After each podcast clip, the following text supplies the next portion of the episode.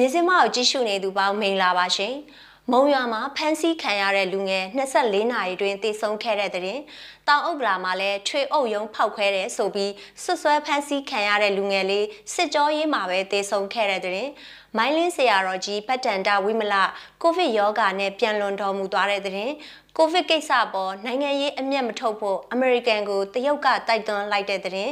2023မှာစာချုပ်သက်တမ်းပြည့်ရင်မန်စီးတီးကနေဂွာဒီယိုလာထွက်ခွာလိမ့်မယ်ဆိုတဲ့သတင်းတွေနဲ့သူမြေစင်မာကဩဂတ်စ်လ26ရက်ည9:00နာရီထိရရှိထားတဲ့ပြည်တွင်းနဲ့နိုင်ငံတကာသတင်းတွေကိုတင်ဆက်ပေးပါရမယ်ရှင်။ကျမစန်းချိန်ပါရှင်။စကိုင်းတိုင်းမုံရွာကအသက်28နှစ်အရွယ်ကိုတက်နိုင်စိုးကိုစစ်ကောင်စီတပ်ဖွဲ့ဝင်တွေကဩဂတ်စ်လ24ရက်ကဖမ်းဆီးခဲ့ပါတယ်။အဖမ်းခံရပြီး24နိုင်မပြည့်ခင်မှာပဲအလောင်းလာထုတ်ဖို့စစ်ကောင်စီကမိသားစုဝင်တွေကိုအကြောင်းကြားခဲ့တယ်လို့ RFA သတင်းတရက်ရသိရပါတယ်။ ပါမှာဆေးလိပ်မီးနဲ့ထိုးခံရတဲ့အညိုရောင်အကွက်တွေလည်းတွေ့ပြီးဇက်ပိုးမှာလည်းဤနေကြောင်းသူ့ရဲ့မိခင်က RFA သတင်းဌာနကိုပြောထားတာပါ။အလောင်းကိုတွေ့ရှိချိန်မှာနားထဲမှာသွေးထွက်နေပြီးလက်မှာလည်းကြိုးချီထားတဲ့အရာတွေ့ရတယ်လို့ဇက်ကိုရိုက်နှက်ထားတဲ့ဒဏ်ရာတွေလည်းတွေ့ရတယ်လို့ပြောပါတယ်။ ကိုသက်နိုင်ဆိုရဲ့အလောင်းကိုလာထုတ်ဖို့ဩဂတ်စ်လ25ရက်မနက်2နာရီမှာမိသားစုကိုလာအကြောင်းကြားခဲ့ပြီးမနေ့ကညနေ9နာရီမှာအလောင်းကိုမုံရွာပြည်သူစေယုံကြီးရင်ခွဲယုံကိုပို့ဆောင်ခဲ့ပါတယ်။အဲ့နောက်မှာတော့ကိုဗစ်လူနာဖြစ်တဲ့ဆိုပြီးထုတ်ပိုးကဒုက္ခဟိတနာရေးကူညီမှုနဲ့သွေးလူရှင်အသင်းကိုစစ်ကောင်စီကအနှံခဲ့တယ်လို့လည်းသိရပါတယ်ရှင်။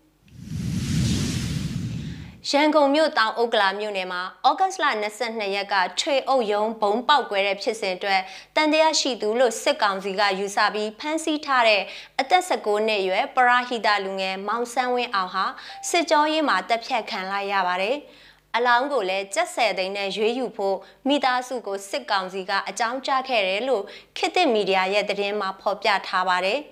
မောင်ဆန်းဝင်းအောင်ကိုဩဂတ်လ22ရက်ကဖမ်းဆီးခဲ့ပြီးဩဂတ်23ရက်မှာတော့မိခင်ဖြစ်သူကိုတွေ့ဆုံကြော့ခွင့်ပေးခဲ့တယ်လို့ဆိုပါတယ်။ဒါကြောင့်သူ့ကိုတက်ဖြတ်ဖို့ကြံရွယ်ထားပြီးဖြစ်ပုံရတယ်လို့မိသားစုနဲ့နှိဆက်သူကပြောပါတယ်။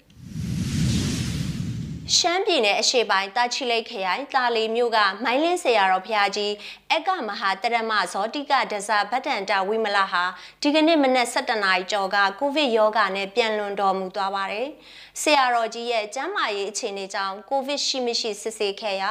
ဩဂတ်24ရက်နေ့လယ်ကကိုဗစ်ရှိကြောင်းတွေ့ရှိခဲ့တာဖြစ်ပါတယ်။ဒါကြောင့်သတင်းသုံးနေထိုင်ရာဆွမ်ဟိန်းကူကနေကျန်းတုံမျိုးဆေးဆေးရုံကိုပို့ဆောင်ကုသခဲ့ပေမဲ့လည်းဒီကနေ့မှပြန်လွန်တော်မူခဲ့တာပါ။မိုင်းလင်းဆရာတော်ဖျားကြီးဟာတက်တော်62နှစ်ဝါတော်32ဝါမှာပြန်လွန်တော်မူခဲ့တာဖြစ်ပါတယ်။ဆက်လက်ပြီးနိုင်ငံတကာသတင်းတွေကိုတင်ဆက်ပေးချင်ပါတယ်။ ကိုဗစ်ကိစ္စပေါ်နိုင်ငံရေးအမျက်မထုတ်ဖို့အမေရိကန်ကိုတရုတ်ကတိုက်တွန်းတဲ့သတင်းတပုတ်ကိုလည်းရှုစားရအောင်ပါရှင်။ကိုဗစ်ကပ်ရောဂါရဲ့ဇင်းမြစ်ရှာဖွေမှုသုတေသနကိစ္စကိုအကြောင်းပြပြီးနိုင်ငံရေးအမျက်ထုတ်နေမှုကိုရပ်တန့်ဖို့အမေရိကန်ကိုတရုတ်ကတိုက်တွန်းလိုက်ပြီး Fort District နဲ့မြောက်ကယ်ရိုလိုင်းနာတက္ကသိုလ်တွေကိုအပြန်အလှန်နေတဲ့ WHO ကိုဝင်ရောက်စစ်ဆေးခိုင်းဖို့ပြောဆိုလိုက်ပါတယ်။နိုင်ငံရေးဝန်ကြီးဌာနရဲ့လက်နက်ထိန်းချုပ်ရေးဌာနကညွှန်ကြားရေးမှူးချုပ်ဖူကွန်ကပြောကြားရမှာအမေရိကန်ကလည်းသူတို့ဓာတ်ခွဲခန်းတွေကို virus ဇစ်မြစ်စစ်ဆေးဖို့လက်ခံမယ်ဆိုရင်တရုတ်ကလည်းအလားတူလက်ခံမှာဖြစ်တယ်လို့ဆိုပါတယ်။ဩဂုတ်လ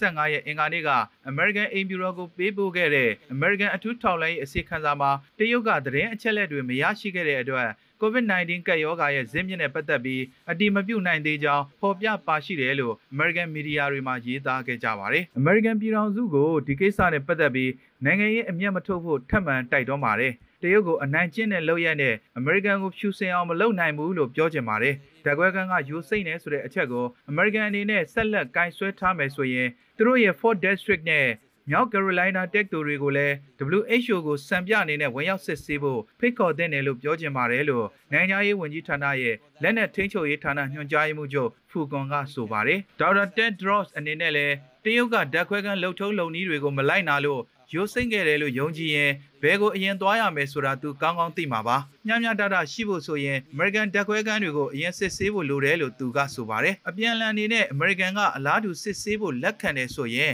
ဓာတ်ခွဲခန်းယူစိမ့်မှုယူဆချက်အရ ဘလို့စစ်ဆေးမှုမျိုးကိုမဆိုလက်ခံသွားမယ်လို့သူကဆိုပါတယ် Fort Detrick နဲ့ပတ်သက်ပြီးနိုင်ငံတကာအတိုင်းဝိုင်းကစိုးရိမ်ပူပန်နေခဲ့တာကြာပါပြီအမှန်တော့ American နယ်ဟာကမ္ဘာပေါ်ကဘယ်နိုင်ငံထက်မဆိုဇီဝစီရေးလှုပ်ရှားမှုတွေပုံမလှုပ်ဆောင်နေခဲ့တာဖြစ်ပါတယ်။နိုင်ငံတကာတိုင်းဝိုင်းအနေနဲ့ Fort Detrick အပါအဝင်ကမ္ဘာတစ်ဝန်းကဇီဝဓာတ်ခွဲက200ကျော်ရဲ့ဇီဝစီရေးလှုပ်ရှားမှုတွေအလုံးအပေါ်စိုးရိမ်တကြီးဖြစ်နေရပါတယ်လို့ဖူကွန်ကဆိုပါတယ်။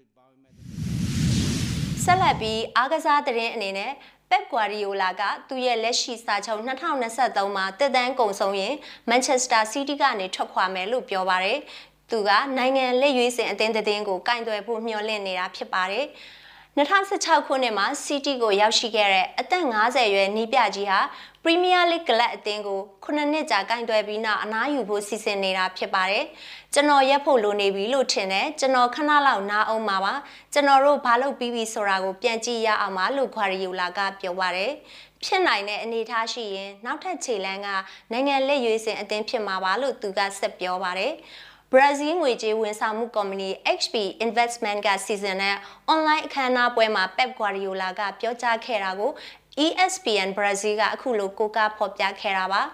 Top 10ဟန်တိုက်စစ်မှု Harry Kane ကအသင်းမှာဆက်လက်ရှိနေမယ်လို့အတည်ပြုပြီးနောက်အင်္ဂလန်အသင်းခေါင်းဆောင်ကိုခေါ်ယူနိုင်မဲ့အခွင့်အရေးဆုံးရှုံးတဲ့တရက်ထဲမှာပဲဒီသတင်းဟာ City အတွက်ထိုးနှက်ချက်တစ်ခုဖြစ်လာပါလိမ့်မယ်။ Man City နဲ့သူ Premier League ဖလား၃ချိန် FA ဖလားတစ်ချိန်နဲ့ League ဖလား၄ချိန်ဆက်စုခုခဲ့တဲ့ Guardiola ဟာ Bayern Munich ကိုမပြောင်းရွှေ့ခင်2012ခုနှစ်မှာဘာစီလိုနာကနေထွက်ခွာပြီးနောက်12လကြာအနားယူခဲ့သူဖြစ်ပါတယ်။ မြင်းစမရဲ့ဩဂတ်လ26ရက်နေ့ည9:00နာရီထိနောက်ဆုံးရရှိထားတဲ့သတင်းတွေကိုတင်ဆက်ပေးခဲ့တာပါ။ကြည့်ရှုအားပေးတဲ့အတွက်ကျေးဇူးထူးတင်ရှိပါတယ်။မြမပြည်သူတွေဘေးအန္တရာယ်ပေါင်းကကင်းဝေးကြပါစေရှင်။